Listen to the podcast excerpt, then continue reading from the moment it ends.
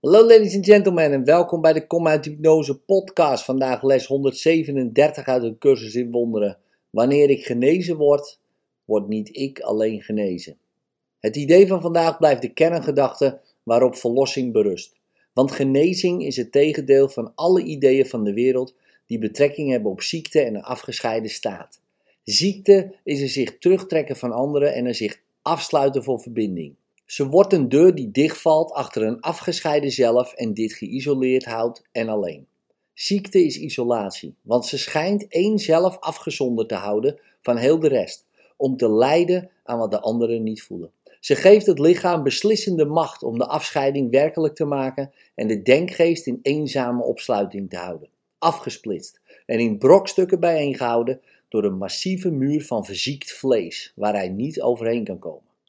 De wereld gehoorzaamt de wetten waaraan ziekte dienstbaar is, maar genezing werkt los daarvan. Het is onmogelijk dat iemand alleen wordt genezen. In ziekte kan hij niet anders dan op zichzelf en afgescheiden zijn, maar genezing is zijn eigen beslissing om weer één te zijn en zijn zelf te aanvaarden met al dienstdelen intact en onaangetast. In ziekte lijkt zijn zelf verscheurd en zonder de samenhang waar het leven aan ontleent. Maar genezing komt tot stand wanneer hij inziet dat het lichaam niet de macht heeft om de universele eenheid van Gods zoon aan te tasten. Ziekte wil bewijzen dat leugens wel de waarheid moeten zijn, maar genezing toont aan dat waarheid waar is. De afscheiding die ziekte wil opleggen heeft nooit echt plaatsgevonden. Genezen is slechts aanvaarden wat altijd de eenvoudige waarheid was en altijd precies zo blijven zal als ze eeuwig is geweest. Maar aan ogen die gewend zijn aan illusies moet getoond worden dat wat ze zien onwaar is. Dus moet genezing, die voor de waarheid nooit nodig is, aantonen dat ziekte niet werkelijk is. Genezing zou al dus een tegendroom kunnen worden genoemd, die de droom van ziekte opheft in naam van de waarheid, maar niet in waarheid zelf. Net zoals vergeving aan alle zonden voorbij ziet die nooit werden begaan, neemt genezing slechts illusies weg die niet hebben plaatsgevonden net zoals de werkelijke wereld verschijnen zal om de plaats in te nemen van wat helemaal nooit is geweest, zo biedt genezing slechts restitutie voor ingebeelde toestanden en onware ideeën die door dromen tot beelden van de waarheid worden aaneengeweven. Maar denk niet dat genezing aan jouw functie hier onwaardig is, want de antichrist wordt machtiger dan Christus voor wie droomt dat de wereld werkelijk is. Het lichaam schijnt steviger en stabieler te zijn dan de denkgeest, en liefde wordt een droom terwijl angst als de enige werkelijkheid overblijft die kan worden gezien, gerechtvaardigd en volledig begrepen. Net zoals vergeving alle zonde wegschijnt en de werkelijke wereld de plaats zal innemen van wat jij hebt gemaakt, zo moet genezing de fantasieën van ziekte vervangen die jij voor de eenvoudige waarheid plaatst. Wanneer gezien wordt dat ziekte verdwijnt in weerwil van alle wetten die staande houden dat ze wel werkelijk moet zijn, dan heb jij antwoord op je vragen. En die wetten kunnen niet langer gekoesterd of gehoorzaamd worden.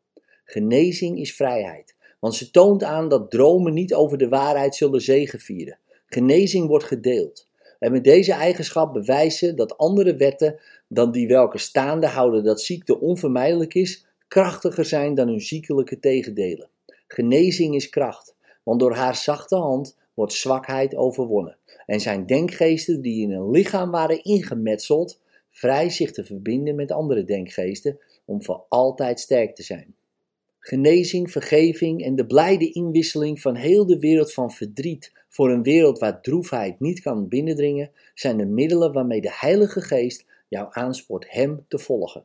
Zijn liefdevolle lessen leren je hoe makkelijk verlossing jouw deel kan zijn, hoe weinig oefening jij hoeft te verrichten om Zijn wetten de plaats in te laten nemen van die welke jij hebt gemaakt om een gevangene van de dood te blijven. Zijn leven wordt het jouwe, wanneer jij het beetje hulp aanreikt dat Hij je vraagt terwijl Hij je bevrijdt van alles wat jou ooit pijn berokkend heeft.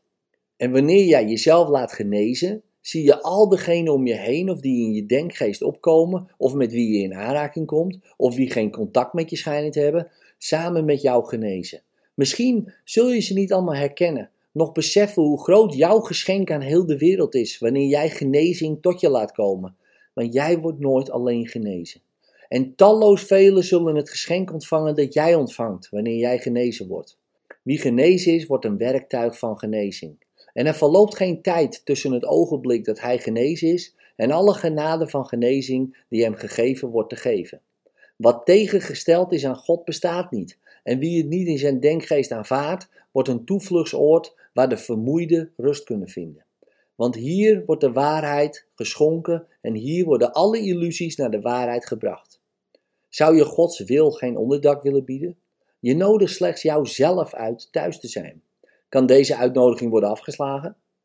Vraag dat het onvermijdelijke gebeurt en je zult nooit falen.